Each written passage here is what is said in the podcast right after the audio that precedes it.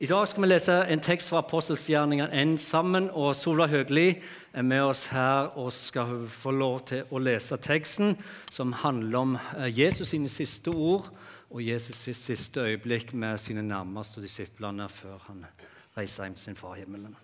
Hør her. Mens de var sammen, spurte de ham, 'Herre, er tiden kommet da du vil gjenreise riket på Israel?' Han svarte, det er ikke dere gitt å kjenne tider og synder som far har fastsatt av sin egen makt. Men dere skal få kraft når Den hellige ånd kommer over dere, og dere skal være mine vitner i Jerusalem og hele Judea, i Samaria og helt til jordens ende. Da han hadde sagt dette, ble han løftet opp mens de så på, og en sky tok ham bort foran øynene deres. Som de nå stirret mot himmelen mens han dro bort, sto med ett to menn i hvite klær foran dem og sa Galileere, hvorfor står dere og ser mot himmelen? Denne Jesus som ble tatt bort fra dere opp til himmelen, han skal komme igjen på samme måte som dere har sett ham fare opp til himmelen. Da vendte de tilbake til Jerusalem, fra den høyden som het Oljebjerget og ligger nær Jerusalem, bare en sabbatsreise unna. Inne i byen gikk de opp på den salen hvor de pleide å holde til. Det var Peter og Johannes, Jakob og Andreas, Philip og Thomas, Bartolomeus og Matteus, Jakob, sønn av Alfeus, Simon Seloten og Judas, sønn av Jakob. Alle disse holdt trofast sammen i bønn. Sammen med noen kvinner og Maria, Jesu mor, og brødrene hans. Flott, Solveig. Takk skal du ha. Vi har nettopp lest eh, teksten som viser oss hva som skjedde på Kristi himmelfartsdag. Bare sånn vi har det med oss med en eneste gang, kan du finne et større vitnesbyrd enn hvordan denne teksten her slutter helt til slutt, når du leser om at Maria, mor til Jesus, var der. Familien til Jesus, brødrene hans, var der, og de venta på dette som skulle komme. Jeg mener, Dette er hans nærmeste, dette er hans familie.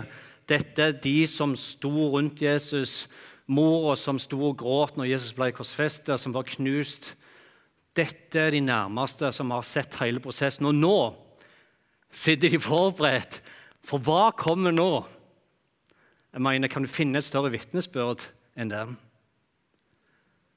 De som var helt i bånn, er helt klar for neste steg. Og Samtidig så leser vi om denne dagen at dette også er dagen da Jesus ville samle disiplene sine og nærmeste vennene før han for siste gang eh, skal se dem og reise hjem til himmelen. Og, og sannsynligheten da, Sannsynligvis så må dette her vært et utrolig følelsesladet, sterkt øyeblikk. Ikke bare for familien til Jesus, men også for Jesus sjøl. Kanskje med masse følelser. Kanskje med en klump i magen tårer og mange gode klemmer der de ser hverandre dypt inn i øynene. For som teksten viser oss her, så, så, er det jo litt rart, for det virker som om disiplene er på et helt annet sted enn det Jesus er. For disiplene de spør jo er dette tida, Jesus, når du skal liksom gjenoppreise riket til Israel. Altså, de er der ennå. Mens Jesus på en måte sier nei, nå er tida for å si farvel og på gjensyn. Så jeg tipper at dette må komme til liksom et sjokk på disiplene. Det var ikke det de så for seg, og så er det det dagen ble. Og nå vet jeg ikke hva du tenker om dette, her, men om det er sånn at vi skulle være så heldige for muligheten til det, da, og vi sitter med et menneske som vi er glad i, som du har vært nær til, og du vet at dette her dette er den siste samtalen vi får i sammen Er det ikke slik da at da snakker vi ikke om noe annet enn det som virkelig betyr noe for oss i livet. Jeg mener, Du snakker ikke om været da. Du snakker ikke om fotballresultatet da. Du snakker heller ikke om bensinpris eller høye renteutgifter. Nei, vi gjør ikke det. For vi vet at dette øyeblikket her, den siste sammen, dette er et hellig øyeblikk. Et øyeblikk vi alle får igjen. Og det er sånn et øyeblikk. Det er dette hellige øyeblikket Jesus har i teksten Solveig nettopp leste, sammen med sine nærmeste. Et hellig øyeblikk. Og Det er derfor når Jesus da velger å si sine siste ord til sine nærmeste Og han vet dette er siste ordet jeg kommer til å gi. Så skyver han alt annet til side. Og så bare sentrerer han det mer og mer, og mer, og så bang inn i sentrum så sier han dette er det viktigste. Dette må dere ikke miste. Dette bevar det, hold fast med det og slipp det aldri ut av sine. Og så sier Jesus dette.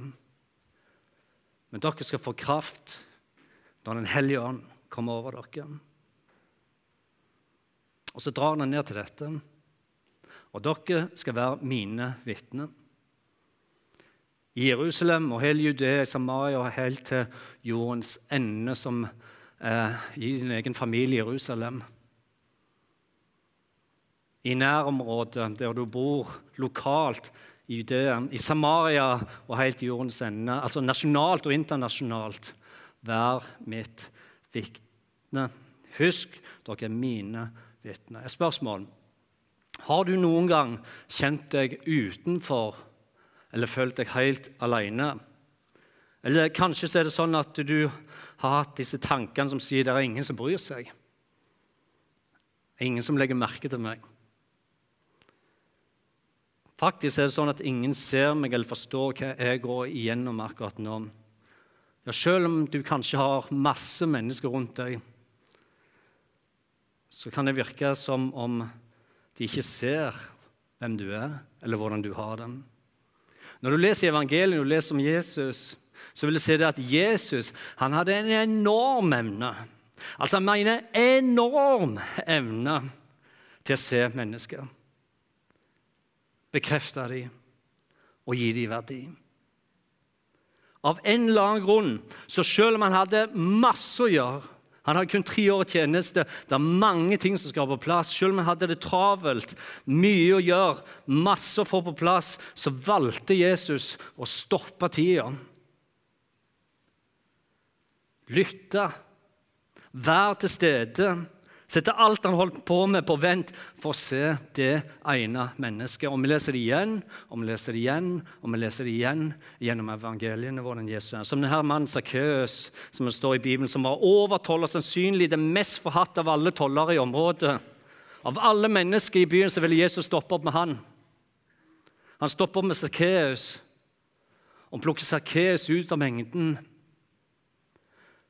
bruker kvelden sammen med Sakkeus, spiser middag sammen med Sakkeus. Han ser han, han lytter til han, og det endrer ikke bare livet til Sakkeus, det totalt forvandler livet til Sakkeus.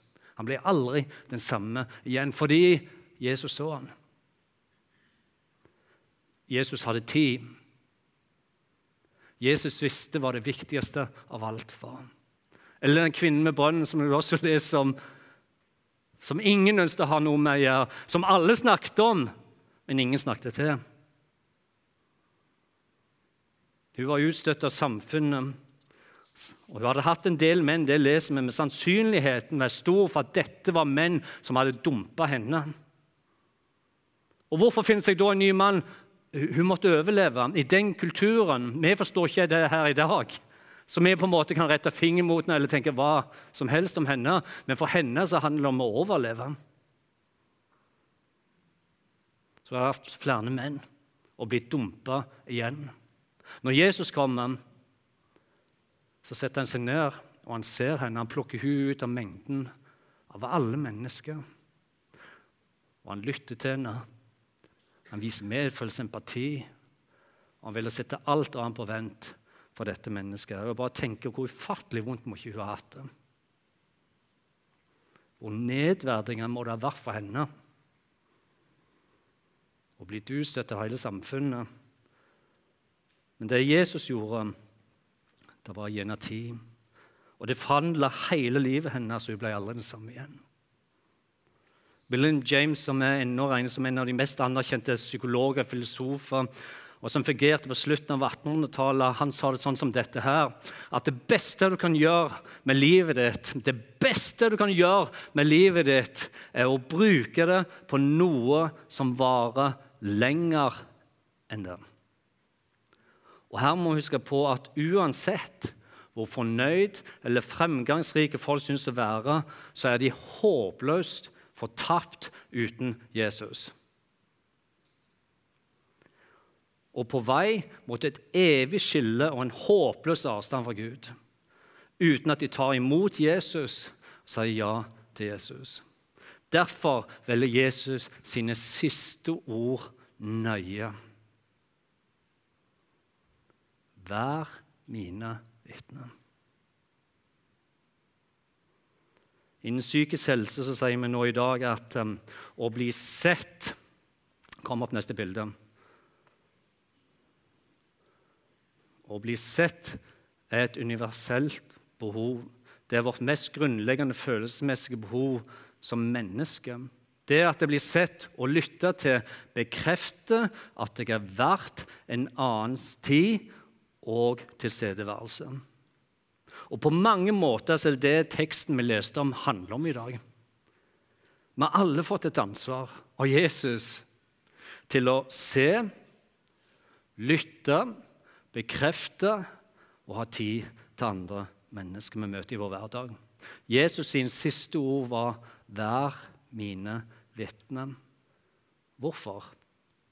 Jo, for dere bærer med dere nøklene til himmelriket. Dere bærer med dere de beste nyhetene et menneske kan få. Nyheter som kan forvandle livet deres, ikke bare forvandle, men totalt forvandle evigheten deres. Jeg husker veldig godt denne dagen for noen år siden når jeg sto på kirka. og det er en del år siden, altså ikke bare noen få, Men jeg venta spent på Lena, da, kona mi, som snart skulle komme inn kirkedøren som brud, for å forhåpentligvis si sitt ja til meg. Musikken den begynner, og dørene de åpner seg, og gjestene reiser seg. Hvis du har vært i bryllup, så vet du hva jeg prater om nå. Og plutselig så ser jeg Lena når hun kommer der, arm i arm sammen med mor og si Kari gående nedover gulvet sakte imot meg. Og Selv om dette her er noen år siden, så husker jeg det som om det skulle vært i går.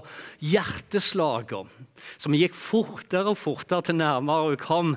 Um, varme som bare steg i kroppen noe nærmere hun kom. Jeg har ikke spurt henne om dette ennå, men kanskje så kunne det vært en idé å ta på seg smokingen igjen. og Kanskje hun skulle hatt brudekjolen og sløret en kveld, en lørdagskveld. Så kunne vi sett Friends igjen. Det tror jeg har vært en veldig fin kveld. Men nå må du høre godt etter. Fordi når svigermor Kari og Lene kommer helt fram, så rett før trappene opp til meg, så stopper de opp. Idet de stopper så går jeg ned trappene. Og Jeg tar Kari i hånden, og jeg takker for brua før jeg snur meg med Lene og tar hånda hennes og jeg holder henne fast idet jeg leder henne opp de trappene og fører henne til sin rettmessige plass. Bruden får sin rettmessige plass. I Bibelen 2. Korinterbrev så leser vi dette her, at så sant Gud er trofast Det vi sier til dere, er ikke samtidig ja og nei. For Guds sønn Jesus Kristus, som vi har forkynt for dere, han var ikke ja og nei. I ham er det bare ja. For i ham har alle Guds løfter fått sitt ja. Derfor sier vi også ved ham vårt amen til Guds ære. Gud er den som grunnfester både oss og dere i Kristus, og som har salva oss. Og Det Paulus beskriver her, at Gud valgte å gi deg sitt ja lenge for før du overhodet tenkte på at du trengte å gi et ja til han. I han så er det bare ja. I han så er det 100% ja. Og hva betyr det? Det betyr at din og min og vår rettmessige plass er ved hans side. Det Jesus valgte, var å gjøre var å stige ned fra himmelen. Han kom ned til sin brud, og lenge før noen tenkte på å si ja til han, så var han klar. Så sto han og venta, så var han spent på å se om vi velger å komme til han. Det er 100% nåde, det er 100% frelse, det er bare 100% kjærlighet. Når Paulus videre skal sette ord på hva det vil si å være utvalgt av Gud, så skriver han sånn som dette her. I Kristus utvalgte han oss før verdens grunnvoll ble lagt. Og det stort til å stå for Hans ansikt, hellige og uten feil. I kjærlighet etter sin egen gode vilje avgjorde han på forhånd at vi skulle få rett til å være hans barn ved Jesus Kristus. Ja, til lov og pris for Hans herlighet og nåde, som Han overøste oss med. Jeg bare elsker det ordet der. Han overøste oss med den kjærligheten. Det er bare 100 dette. Det er ikke sånn at du må gjøre 1 eller 2 eller 3% sjøl. Nei. Han overøser oss 100 dekker oss hver eneste dag, fra morgen til kveld med sin kjærlighet, som han elsker oss så høyt med. I ham har vi friheten, kjøpt med hans blod, tilgivelse for syndene. Så rik er Guds nåde. Her For to måneder siden var vi så heldige å ha besøk her i menigheten av uh, organisasjonen Åpne dører. Og Åpne dører hadde fått inn en fra Egypt som het, vi kaller han for broder Michael. Det var dekknavnet hans, for han kunne ikke komme med sitt ekte navn. Og vi fikk ikke lov til å ta bilde av ham, for det kunne blitt veldig veldig farlig for ham, for han er den forfulgte kirke i Egypt. Bare sånn vi har det med oss. Um, Åpne dører har ei årlig uh, liste som kalles for watchlist. Og i dag så er det over 300 millioner står det på denne listen, 300 millioner kristne som årlig forfølges for sin tro på Jesus Kristus. Det er høyt. Det er mange mennesker som lider for sin tro i dag. Én av sju kristne på jorda opplever forfølgelse. Og hver dag så dør det 16 stykk gjennomsnittlig for sin tro på Jesus. Når broder Michael var her for to måneder siden, så fortalte han om en palmesøndag i Egypt for seks år siden, i 2017, og jeg kjente at det traff meg. For Han forteller om at midt under en gudstjeneste der de kom for å feire og prise Gud, så blir plutselig 43 av dem drept i et bombeattentat. En selvmordsbomber, og over 100 ble alvorlig skadet. De valgte målrettet to kirker og bomba dem. Dagen etter bombeattentatene sto IS fram og tok på seg ansvar for bombene. Og jeg bare tenker Hvor utrolig smertefullt må ikke det ha vært?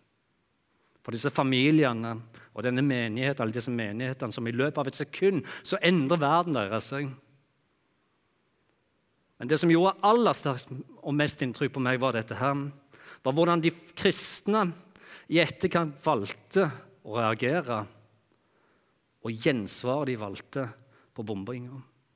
For måten de valgte å svare tilbake i smerten og sorgen, var at de skrev på plakater og ruiner som var igjen i kirkene, med vel å tilgi. Samtidig så de egyptiske kristenlederne gikk ut i gatene og gikk ut i media, på TV og avisene, der de oppfordra folket til å møte volden med bønn og tilgivelse. Noen ganger så tror jeg at vi som lever i vårt rike, sekulære velstandssamfunn, burde spørre oss sjøl hva er det i grunnen som skjer med oss? Når vi klarer å miste fokuset, havner havne der at vi klager for den minste ting. Men siden den fattige delen av verden, eller den delen der de blir forfulgt for troen sin, der velger å takke og prise Gud for den minste ting. Ja, alt som kan hjelpe dem å holde fokus på troen og oppdraget de fikk. Om det er den sangen eller en annen, betyr ingenting, bare de får lov til å prise Jesus. Om det er den stilen eller en annen, betyr ingenting, bare de får lov til å hylle Jesus. Om det er det uttrykket eller noe annet, betyr ingenting bare vi får lov til å takke Jesus. Og få muligheten til å være et vitne for han. Mor Teresa sa det sånn som dette en gang. Ikke alle av oss kan gjøre store ting, men vi kan alle gjøre små ting med stor kjærlighet. Det siste mange troende trenger i dag, enda et bibelstudio eller enda et bibelkurs.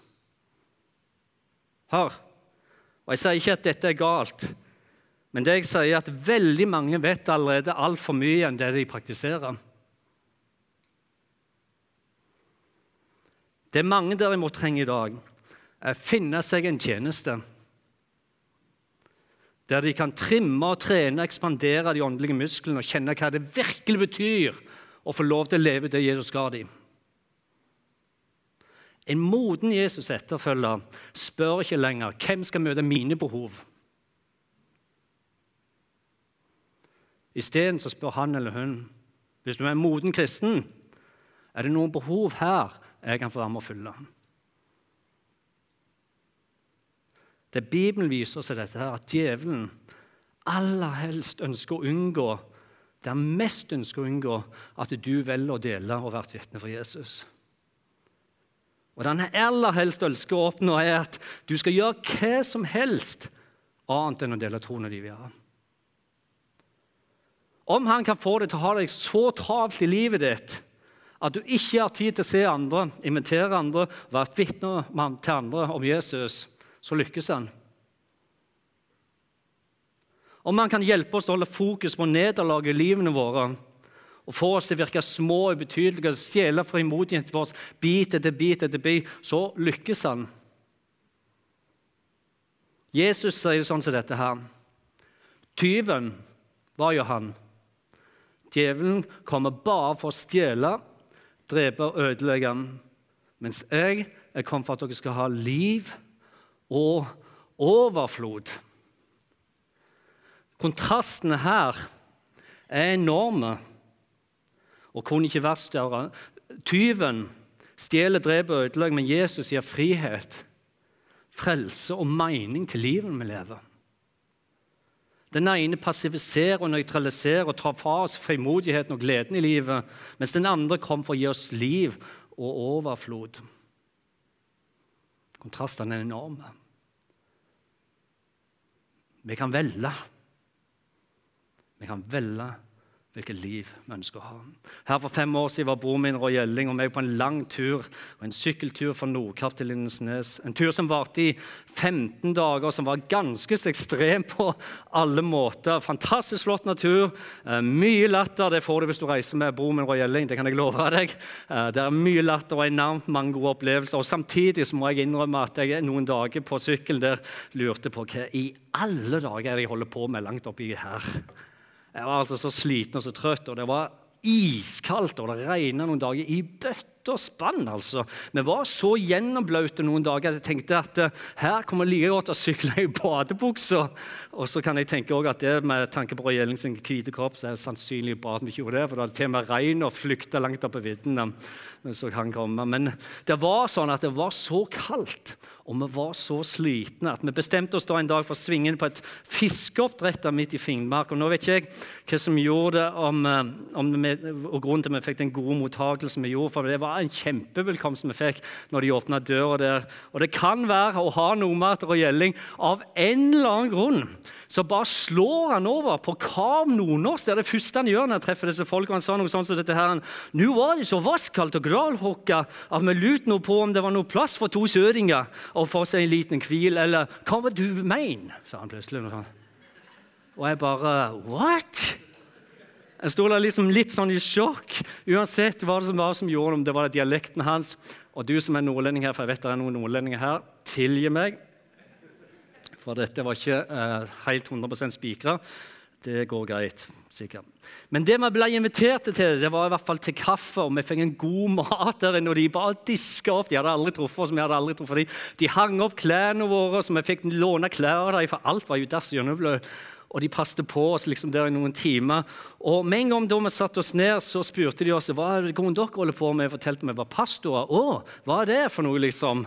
Jo, det vil si at du er kristen og du tror på Jesus. Og så begynte de å bli interessert i hva det vil si å være en kristen, hva det vil si å tro på Jesus. Og vi fikk lov til å faktisk vitne for dem mens vi satt inne der, og de diska opp mat. For jeg har aldri opplevd det der før, men det var veldig, veldig spist. Og det var da, plutselig, når vi hadde delt vårt vitnesbyrd at den eldste av de ansatte her plutselig sier dette her, at han også hadde hatt ei tro fra barndommen av, men det var bare opp til han ble konfirmant. Fordi under konfirmantundervisninga, som ikke var relevant i det hele tatt, så mista han troen si. Og i over 40 år så har han ikke sagt dette til noen at han hadde hatt ei tro som barn, som ungdom. Og nå var det første gang han bringte det på bordet. Og de andre var liksom wow. Og det sa han da til oss etter vi har delt vårt vitnesbyrd. Så åpna det opp noen dører i hans liv, så han delte sin historie. Etter et par timer med god drøs der vi skulle reise, så fulgte denne eldre mannen oss ut i fiskehallen der. Og midt imellom tankene så sto vi der og liksom gjorde syklene våre klar. Og det var da jeg bare tok motet til meg, og jeg spurte han bare rett ut mens vi sto der, om vi kunne få lov å be for han og velsigne han før vi reiste. For det er det vi tror på, sa jeg. Og så sa han ja, det ønsket han svært gjerne.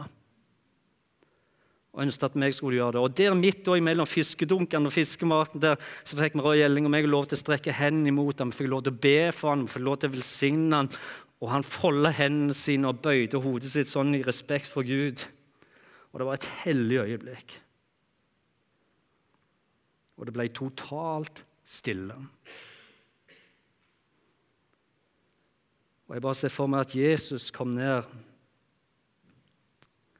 og han plukker ut en mann i mengden av andre. Og han bekrefter han, og han gir han verdi.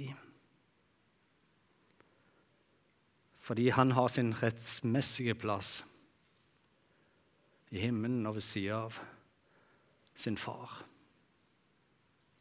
Jesus han sier sjøl sånn som dette her. Dere har ikke utvalgt meg, men jeg har utvalgt dere og satt dere til å gå ut og bære frukt. Det er ikke vi som valgte Jesus først. Nei, Jesus han sto klar, for han var det et 100% ja før vi klarte å tenke en tanke eller si et ord.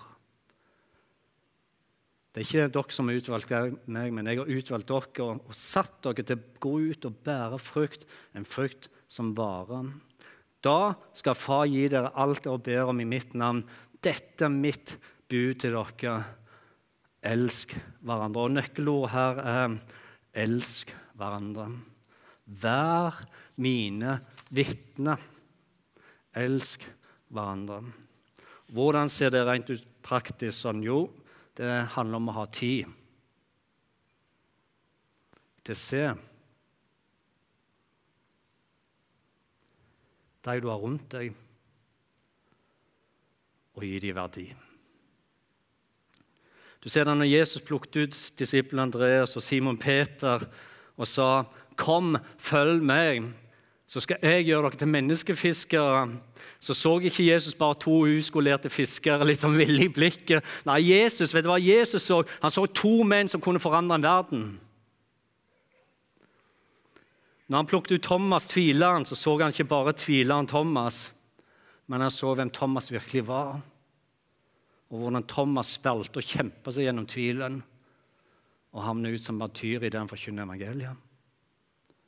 Når Jesus plukket ut tolleren Matteus, så, så han ikke bare han hata skatteinnkrever.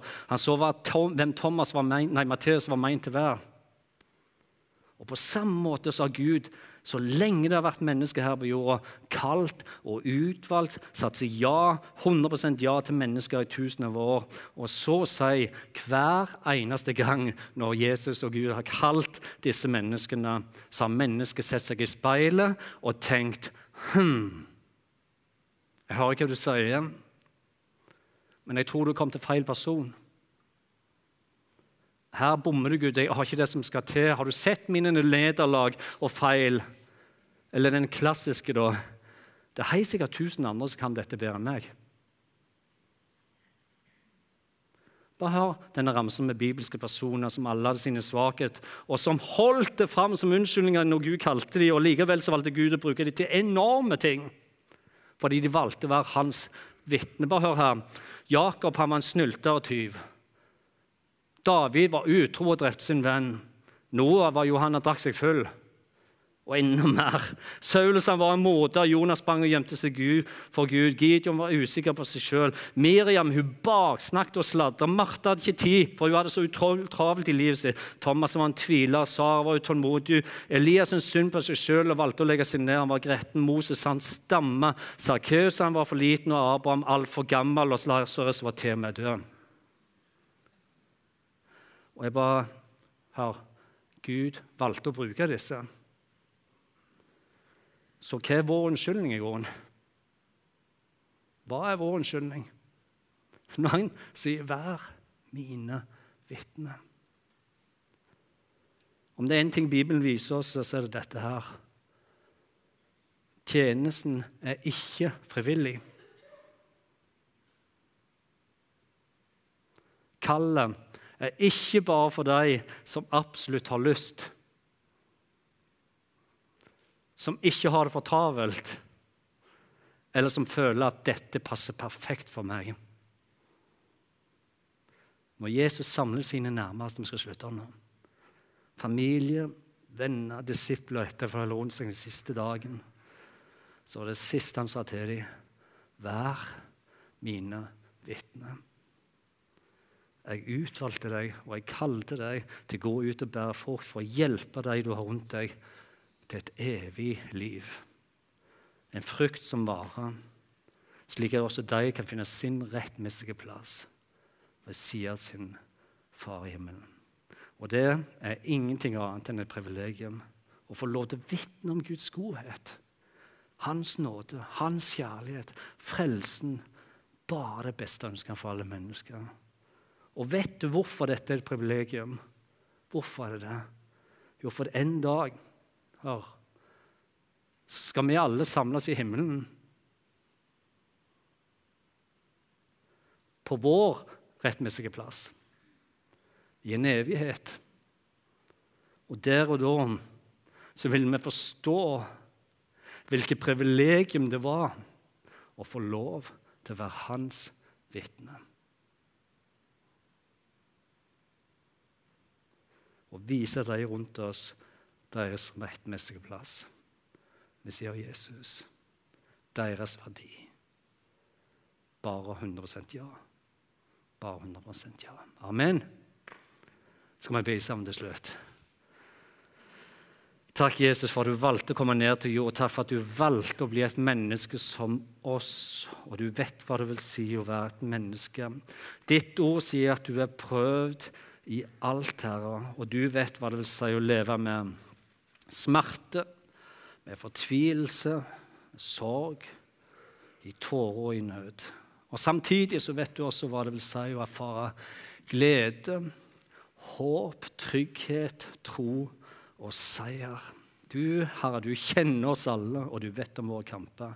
Og Derfor så takker vi deg, Herre, for at ditt ja er et 100% ja til oss alle.